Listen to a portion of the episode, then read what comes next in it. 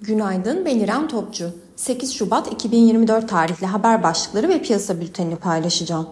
Bloomberg Economics'e göre Merkez Bankası'nın bugün yayımlayacağı yılın ilk enflasyon raporunda yıl sonu enflasyon tahmini %36'nın altına çekilirse veya %45'in üzerine çıkarılırsa bu daha fazla faiz artışının yolda olduğu anlamına gelebilir. Ancak tahminin sabit bırakılması ya da %38-45 aralığına yükseltilmesi daha olası. ABD hazinesinin rekor tutardaki 10 yıllık tahvil ihalesine güçlü talep geldi. FED yetkilileri faiz indirimleri için acele etmeyecekleri yönünde sinyal vermeye devam ediyor. Çin'de tüketici fiyatları Ocak'ta 2009'dan bu yana en sert düşüşü yaşadı.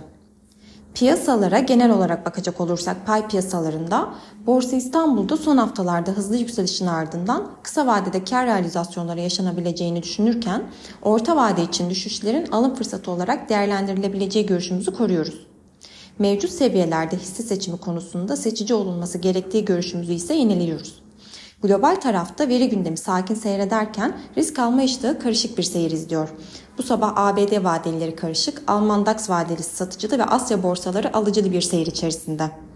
Teknik analiz verilerine bakacak olursak gün içinde 8750 ve altına gerileme alım fırsatı 9000 ve üzerine düşük hacimli yükselişler kar satış fırsatı olarak takip edilebilir. Viyop tarafında ise gün içi long pozisyonlar için 9550, short pozisyonlar için ise 9750 zarar kes seviyesi olarak izlenebilir. Borsa İstanbul'un ve endeks kontratının güne yatay eğilimle başlamasını bekliyoruz. Kazançlı günler dileriz.